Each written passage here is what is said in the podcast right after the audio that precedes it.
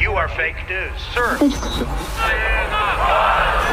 경의하는 최고령 on kolmapäev, seitsmes oktoober ehk välistoimetuste ajaarvamise järgi alla nelja nädala USA valimisteni. Delfi helipuldis on Kaarel Kressa ja minuga on juttu ajamas Eesti Päevalehe välistoimetuse juht Kadri Veermäe. tere! ja Ekspressi ajakirjanik Indrek Lepik. tervist! nagu me kõik teame, on viimased seitse nädalat olnud USA-s väga seiklusrohke. Neljapäeval sai president Trump koroonadiagnoosi, reedel viidi ta juba haiglasse. Ja tunnistan, et minul on ikkagi kombeks alati Trumpist mõelda kõige paremat ja seejärel üllatuda, näiteks seekord ma oleksin eeldanud, et ta äh, esiteks jääb natukeseks ajaks karantiini ja teiseks ei oleks oodanud temalt selliseid, ütleme, koroonasõbralikke avaldusi aga küsiks sissejuhatuseks, paluks näiteks Indrekul spekuleerida, et kas kogu sellel toimunul on üldse ka kampaaniale mingisugust mõju? Ma arvan, et see, et Trump alustaski kogu selle haiguse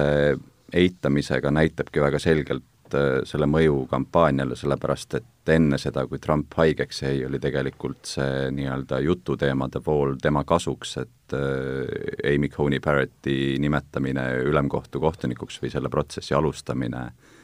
aitas tal tegelikult tähelepanu juhtida ühele asjale, millest on päris hea olnud viimase nelja aasta jooksul, ehk siis ülemkohtunike ametisse nimetamine just äh, endale sobiva maailmavaate järgi, nüüd on jälle keskmes äh, koroonaviirus, mis on tema kõige nõrgem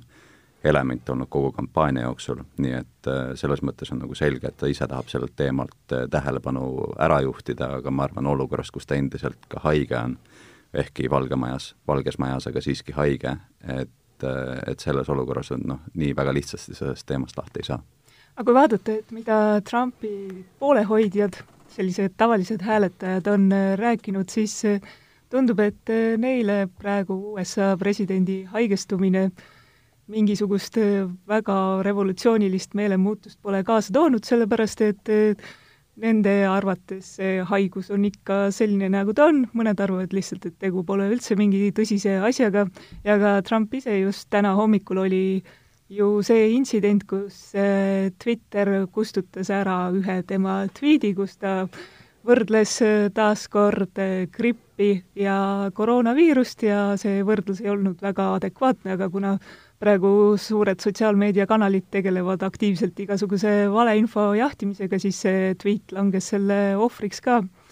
et eh, ta ise nüüd ka ei saa öelda, et haigestununa ta oleks teinud mingisuguse väga meeletu pöörde, sest kui me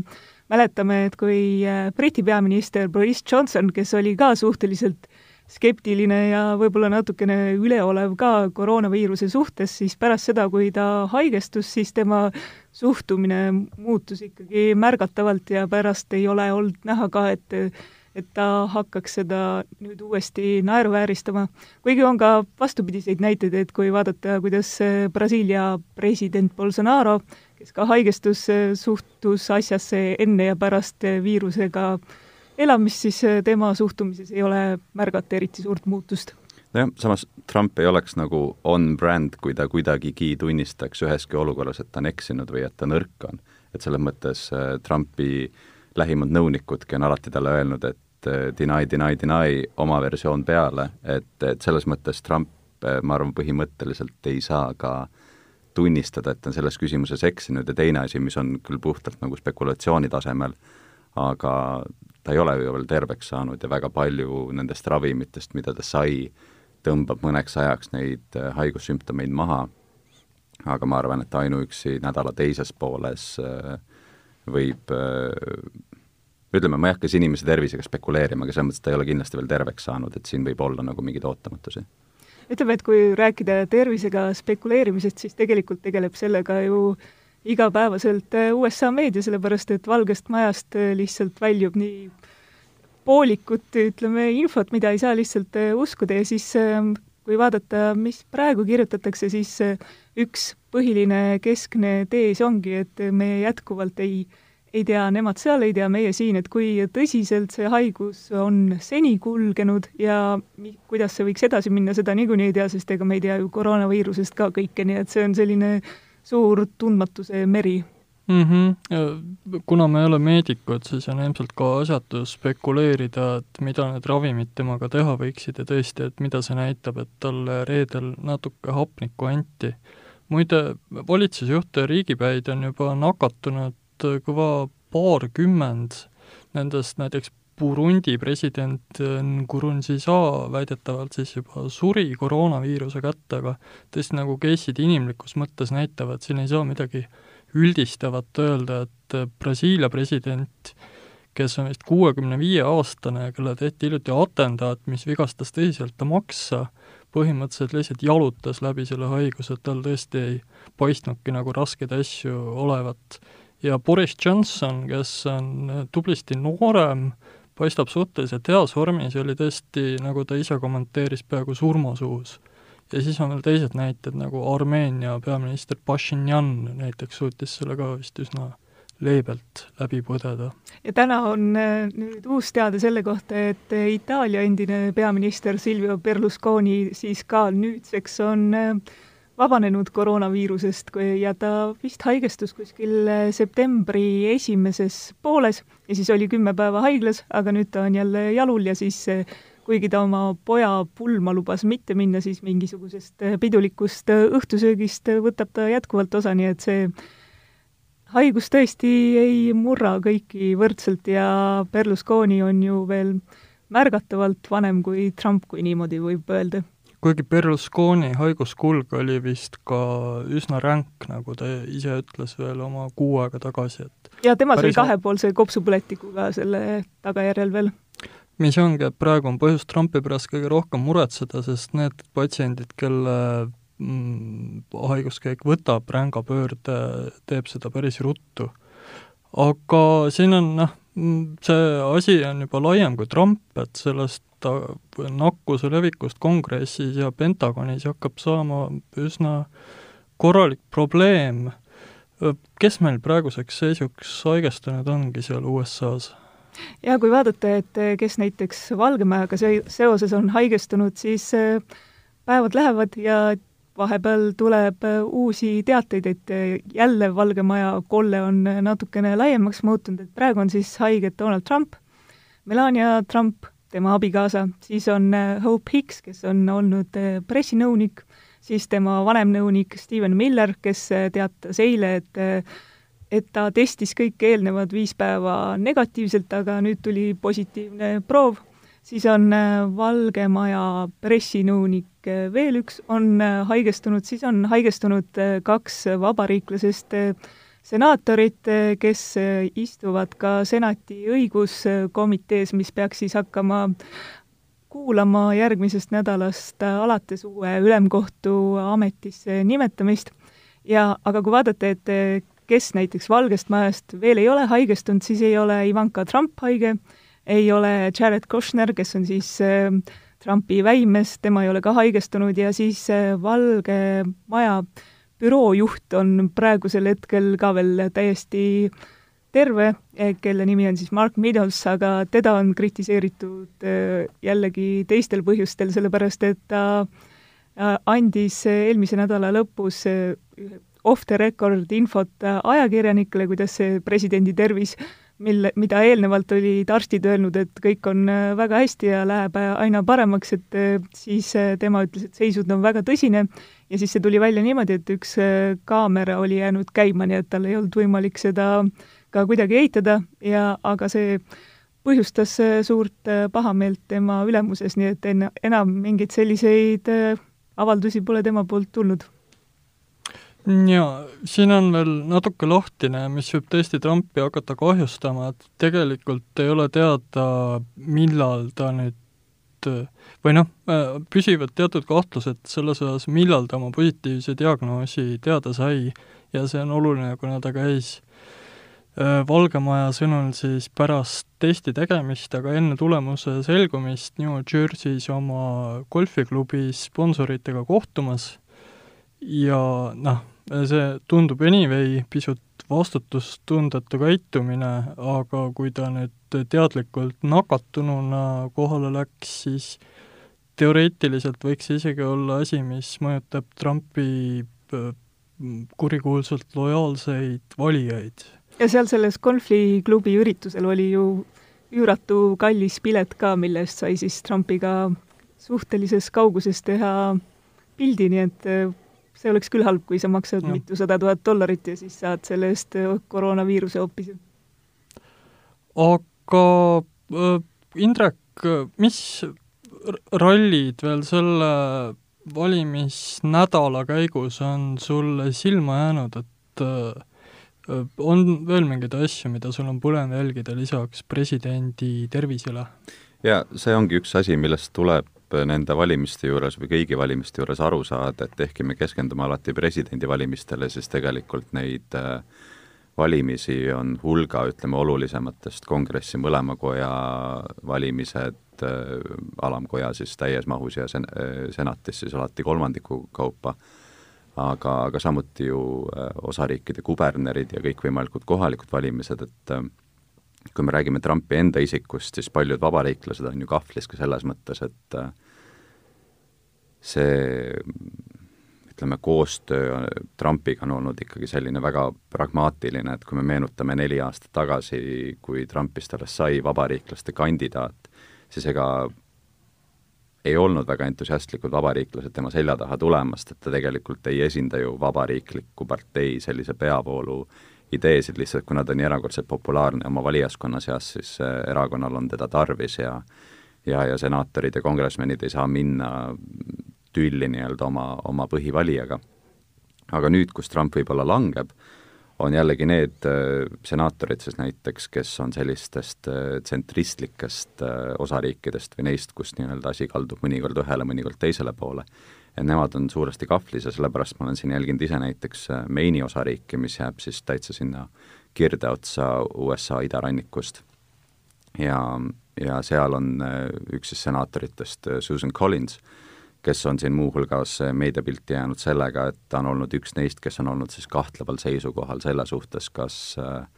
uue ülemkohtuniku peaks ära kinnitama enne valimisi või võiks seda ikkagi pärast valimisi teha ja ta on seal äh, üha suuremas heitluses demokraadi Sarah Gideoniga, kes on viimasel ajal kõvasti raha lükanud selle alla, et teha äh, ründavaid äh, reklaame Collinsi vastu, et, et, et selliseid osariike on, on mõnes mõttes ka nagu teisigi, kus äh, vabariiklasest senaator või, või kongresmen peab mõtlema selle peale, et see, mis on talle edu toonud võib-olla viimased kaks või neli aastat, ei too talle tingimata edu neil valimistel või ka pärast seda, ehk siis tegelikult väga paljud vabariiklased on, on kahvlis, kelle poole nii-öelda hoida, kas tavapärase tsentri või ikkagi endiselt äh, Trumpi poole üks huvitav äh, ralli just selle koroonaviiruse leviku suhtes, et nagu sa, Kadri, ütlesid, senati õiguskomitees on kaks kindlalt nakatanud vabariiklast ja siis kolmas veel, kes õiguskomiteesse ei kuulu see oli vist Ron Johnson. aga üks nendest vabariiklastest, Tom Tillis Põhja-Carolinast, kes nüüd kuuldavasti on kenasti paranemas, et sellele oli ka häid uudiseid viimastel päevadel, nimelt tema demokraadist ohtlik konkurent sattus just suurde seksiskandaali, kus ta oli saatnud oma assistendile nii kelmikaid sõnumeid kui ka illustreerivaid fotosid. Ja tundub, et see see tähendab tõesti, et sellest osariigist ei saa demokraatide loodetud mm, ütleme siis kaalukeelt, aga kui nad võidavad veel Arizonas ja nagu sa ütlesid, Maine'is ja neil oli kuskil kolmandas osariigis, kes oli äkki, okei okay,, ma ei julge öelda, igal juhul neil on veel võimalus saada vist kätte need kolm kohta, kui nad tublisti kampaanias käituvad jah, ja juhul, kui demokraadid võidaksid presidendivalimise, siis äh, viigi korral oleks äh, see nii-öelda kaalukeele otsus juba senati spiikril, kelleks on siis ex officio asepresident. Et, et selles mõttes jah, piisab nendest äh, mõnest kohast, et täit ülekaalu ei, ei peagi olema. Muide jah, asepresidendi juurde tahtsingi juttu tüürida, et asepresident ei ole üldse alati olnud nii suure kaaluga USA-s, kui ta on, mul oli just võimalus kuulata USA professori Joel Goldsteini seminari meediale, kus ta siis seletas, et asepresidendi roll on kasvanud sellepärast, et presidendi roll on kasvanud ja presidendi roll on kasvanud sellepärast, et USA roll maailmas on kasvanud ja president tegeleb välis- ja julgeoleku küsimustega. aga nüüd tundub küll, et käesolevad asepresidendi valimised võivad olla isegi kõige kaalukamad USA ajaloos. Sel lihtsal põhjusel, et valimisteni on kuu aega ja mõlemad presidendikandidaadid on surmava pandeemia peamises riskigrupis. Jah, minu meelest kui vaadata ka asepresidentide isikuid, et vabariiklaste poolt Mike Pence ja eh, demokraatide poolt Kamala Harris, et eh, nad tegelikult mõlemad esindavad palju paremini oma partei peavoolu kui päris presidendikandidaadid, sest et eh, Mike Pence on sügavalt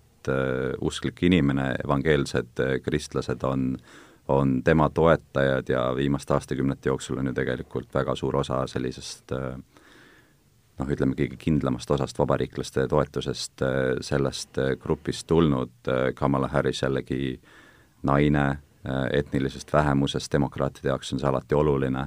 et ta on ühtpidi küll moderaat, aga teisalt ta on ikkagi noh, nendest nii-öelda San Francisco demokraatide seast, kes on ikkagi kliimaküsimustes ja paljudes teistes küsimustes väga progressiivsete vaadetega. et tegelikult nad mõlemad esindavad palju paremini oma partei peavoolu ja, ja täpselt nagu sa sissejuhatuses mainisid, et arvestades mõlema presidendikandidaadi vanust, Trump seitsekümmend neli, Biden seitsekümmend seitse, tegelikult juba pärast valimisi ka seitsekümmend kaheksa, tal on veel sel aastal sünnipäev, et et see on ju selge, et see koroonaviirus ikka kuskile ära ei kao, et järgmise nelja aasta jooksul tegelikult asepresidendil võib täiesti tekkida põhjus vähemasti ajutiselt amet üle võtta. Ja asepresidentidest on äh, põhjust praegu just rääkida ka, sellepärast et äh, täna öösel siis Eesti aja järgi kell neli saab hakata vaatama asepresidentide debatti, millele on pandud suured lootused, sellepärast et äh, nagu me mäletame, siis eelmisel nädalal toimunud presidendikandidaatide debatt pälvis mõnevõrra kriitikat, sellepärast et paljud vaatajad ja kommentaatorid olid natukene pettunud, et seal nende hinnangul ei jõutud väga sisuliste küsimuste arutamiseni, et me ei saanud teada, et milliseid siis eh, poliitilisi muutusi või millist poliitikat mõlemad eh, pooled eh, kaasa võiksid tuua, aga arvatakse, et asepresidentidel sellist võimalust ei ole, ainult seal vahele segada ja mitte väga palju rääkida, nii et seda kindlasti neist homme on väga palju juttu. Te loodate siis ilmselt ka sisulisemat debatti, kui äh, presidendikandidaatide vahel oli, kuigi see ei ole ilmselt kõrge latt, aga no ma tahaks näha, kuidas äh, Mike, äh, Mike Pence seal oma viisaka olemusega hakkab vahele segama, et ma arvan, et ta ei ole väga selleks võimeline, aga võib-olla siis saab lasta end üllatada. Ja nüüd ma ei tea, kas see asepresidentidele kehtib ka, et pärast seda äh, esimest debatti võeti ju vastu teadmine või siis uued äh, protseduurireeglid, et kui keegi segab äh, vahele kogu aeg, et siis nüüd on äh, võimalus tema mikrit hakata vaigistama, nii et see peaks siis debati kvaliteeti tõstma märgatavalt, aga ma arvan, et see debatt on ikkagi sarnasem sellele, mida me nägime neli aastat tagasi, mitte võib-olla eelmise nädala omale. ja debattide puhul ongi nüüd ju see küsimus, et kas Trumpi haigestumise tõttu need tühistatakse, aga vist siiski mitte, sest juba räägitakse, et vajadusel tehakse see virtuaalselt, mis oleks vist moderaatorile küll suurepärane võimalus, et siis tõesti saab vajutada nuppu ja räägib ainult see, kelle kord on rääkida. No me oleme kõik siin selle aasta jooksul virtuaalsetel koosolekutel osalenud, et äh, tahaks näha sellises vahelesegamise kontekstis, kuidas see kerge sellise poole või sekundilise delay'ga vestlus seal nagu kujunema hakkab, et, et mulle tundub see ikka küll täielik, täielik katastroof ja, ja ütleme, ega siin virtuaalse debati puhul on ju küsimus ka selles, et debati hea tava on see, et äh, kandidaadid on seal nii-öelda üksinda. et äh, keegi ei räägi neile kõrva, neil ei ole mingit hunnikut statistikat äh, laua peal ja nii edasi, et tegelikult olukorras, kus äh, see toimuks, eks ole, mingi ekraani tagant, siis jumal teab, mis seal ekraani taga toimub, et see seaks ka kindlasti kahtluse alla ühe selle nii-öelda debati niisuguse nii-öelda nagu põhiloogika. ja samas on öeldud ka seda, et kui see debatt näeb vähegi välja nagu esimene arutelu, siis võib-olla ei olegi see suur kaotus, kui seda üldse ei tulekski enam, aga kui vaadata, siis Donald Trump ütleb tõesti, et see debatt kindlasti tuleb, aga võib-olla see on jällegi selline äh, kõva, kõva ja selge mitte allaandja positsiooni üks osis, aga Joe Biden on äh, väljendanud mõningast äh, kõhklust, et äh, õigemini ta ei väljendanud debati kui sellise suhtes kõhklust, vaid ta väljendas kõhklust, et Donald Trump, kes võib-olla on jätkuvalt siis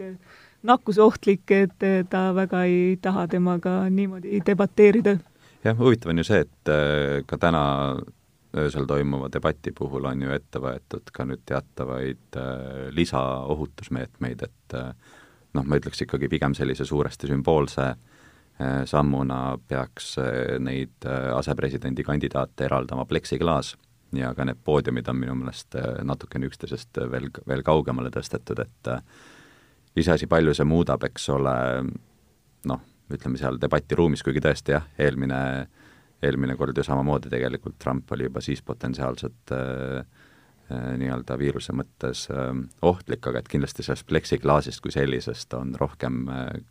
ütleme, sümboolselt kasu demokraatidele, et et see on kindlasti jälle üks selline nagu hea, hea sümbol, mis äh, edastab eelkõige nii-öelda maailma selliselt, nagu, nagu demokraadid äh, seda näevad, et noh, sellised väikesed visuaalsed asjad võivad nagu tihtipeale rolli mängida kui nüüd liikuda selle poole ikkagi, kes võiks võita, siis ka olete te jälginud küsitlusi viimasel ajal ja mida neist järeldada? mina, mina jälgisin täna Economisti oma, mis äh, teeb uuendusi iga päev ja seal vähemalt praeguse seisuga oli isegi üllatavalt suur vahemaa, et Economist prognoosis, et üheksa võimalust kümnest on see, et võidab Biden ja üks võimalus kümnest on see, et võidab äh, Trump. et see oli isegi mulle natuke üllatuslikult äh, suur äh, vahemaa, sest noh, et pärast seda eelmise nädala debatti selle järgselt kor-, korraldatud küsitlused näitasid, et Biden on neljateist punktiga Trumpist eespool, enne ta oli natuke vähem, vist kaheksa või millegi sellisega, et praegu tunduvad, et kõi-, vähemalt kõik küsitlused, mis äh, mina olen näinud, et need näitavad Bidenile kas äh, suuremat või vähemat äh, edumaad. jah, minu meelest on huvitav siin kaks sellist indikaatorit, et üks, mis, mis kinnitaks ka sellist debatijärgset Bideni populaarsuse kasvu, on ka see, et Wall Street Journali ja NBC poll tuli nüüd välja, mis võtab arvesse juba seda perioodi, et toimus debatt ja Trump haigeks jäi ja, ja seal on samuti, oli vist Bideni edu neljateist protsendi võrra oli ta ees, et et see on märkimisväärne sellepärast, et äh, Wall Street Journal on küll nii-öelda peavoolumeedia, aga ta on ikkagi Ameerika mõttes selgelt sellise konservatiivse hoiakuga, eriti mis puudutab sellist nii-öelda äh, arvamustoimetuse poolt seal, et, et selles mõttes äh, ka selle uuringu vi-, viisid läbi siis nii, nii siis nii-öelda noh, Ameerikas niimoodi naljakas öelda, aga nii see on, et nii vabariiklik äh, Äh, uurimistiim siis kui ka, kui ka demokraatlik uurimistiim, et on tegelikult peaks äh, peegeldama päris hästi, päris hästi neid tulemusi. Ja teine asi, mida ma mainiks, on see, et et pärast kahe tuhande kuueteistkümnenda aasta valimisi, kus tegelikult väga vähesed suutsid Trumpi võitu ette ennustada, pärast seda on ju korduvalt räägitud, et arvamusküsitlused on oma aja ära elanud ja need ei olegi usutavad, aga, aga huvitav on see, et äh, neid mudeleid on nelja aasta jooksul kõvasti timmitud, äh, ma arvaks, et ka objektiivselt paremaks, ja, ja sellest nii-öelda nagu skepsisest ja võib-olla enese seljataguse kaitsmisest hoolimata on praegu äh, sellised põhilisemad, mõjukamad väljaanded koos oma infoga ja oma nende uuringutega äh,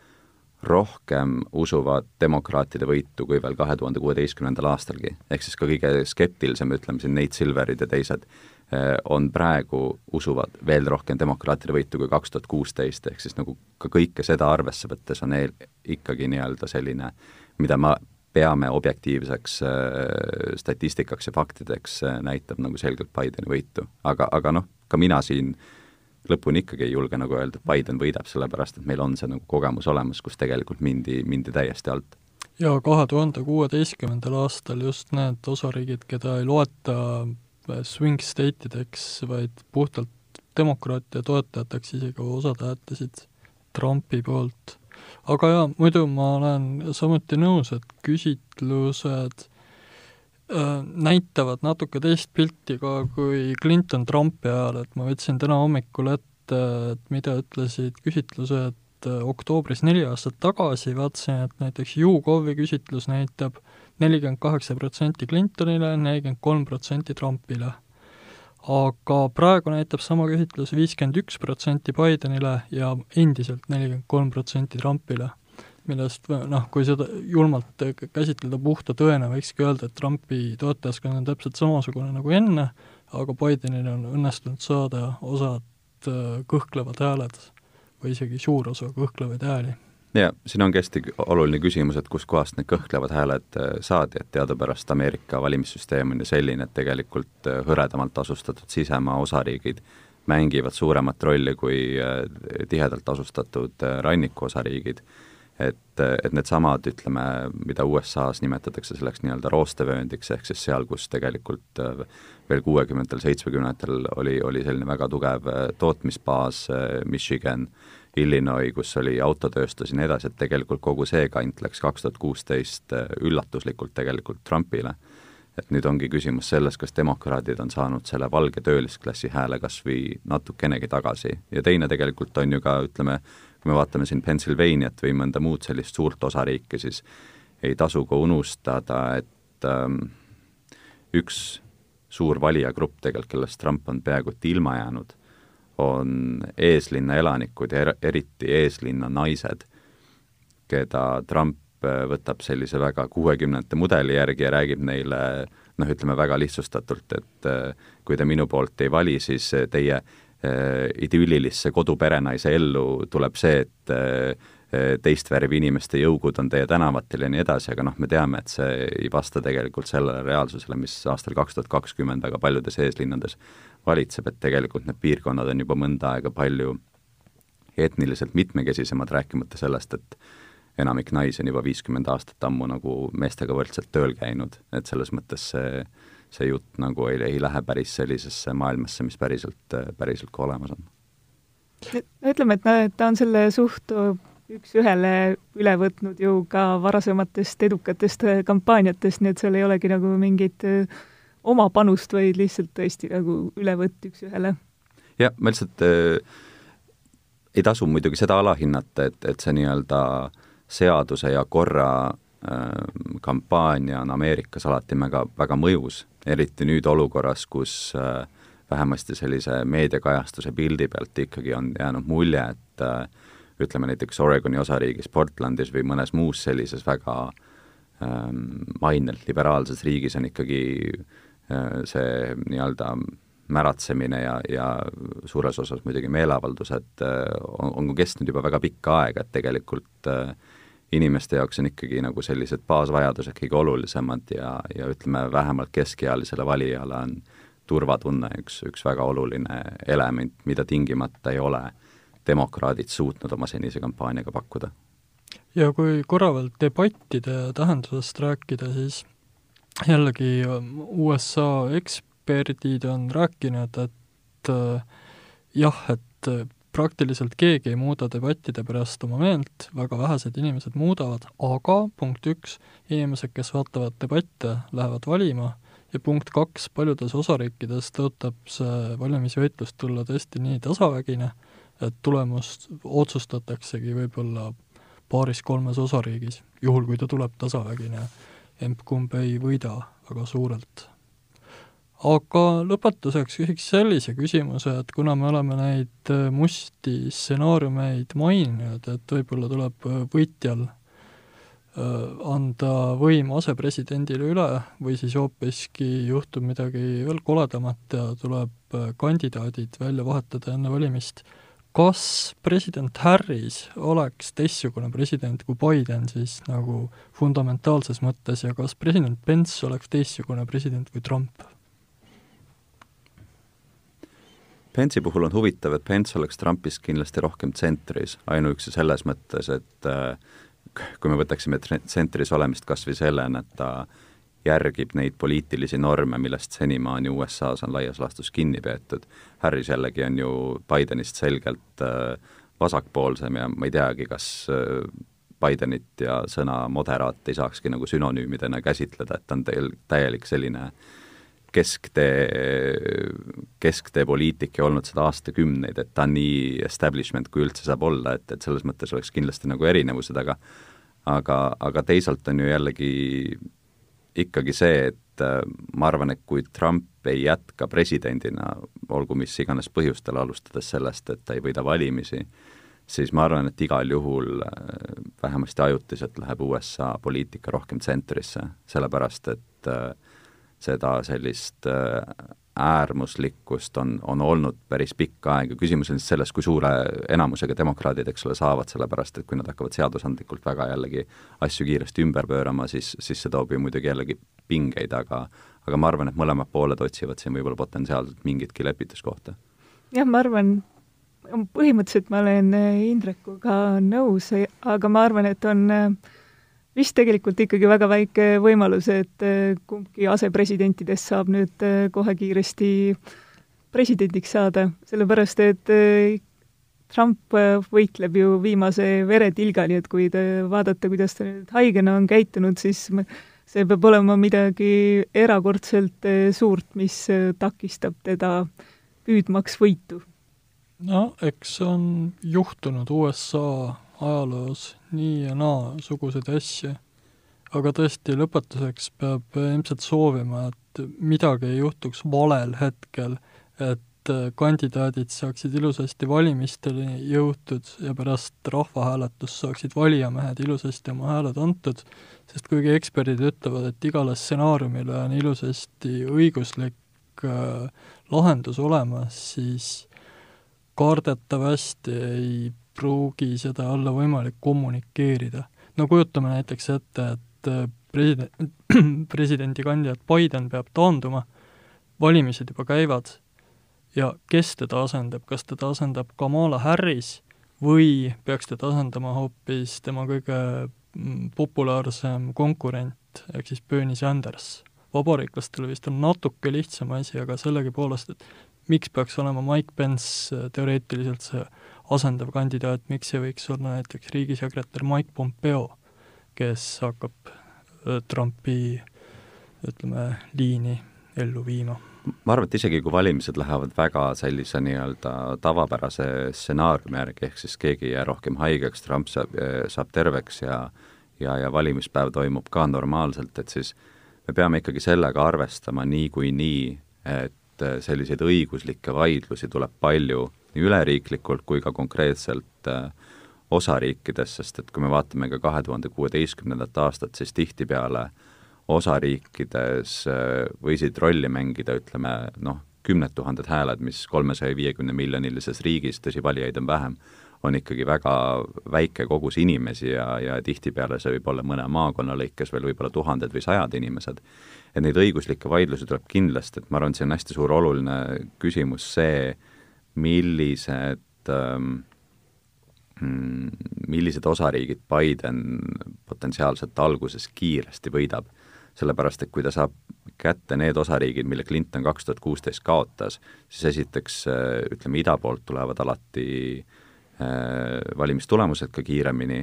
aga teine on ka see, et kui see äh,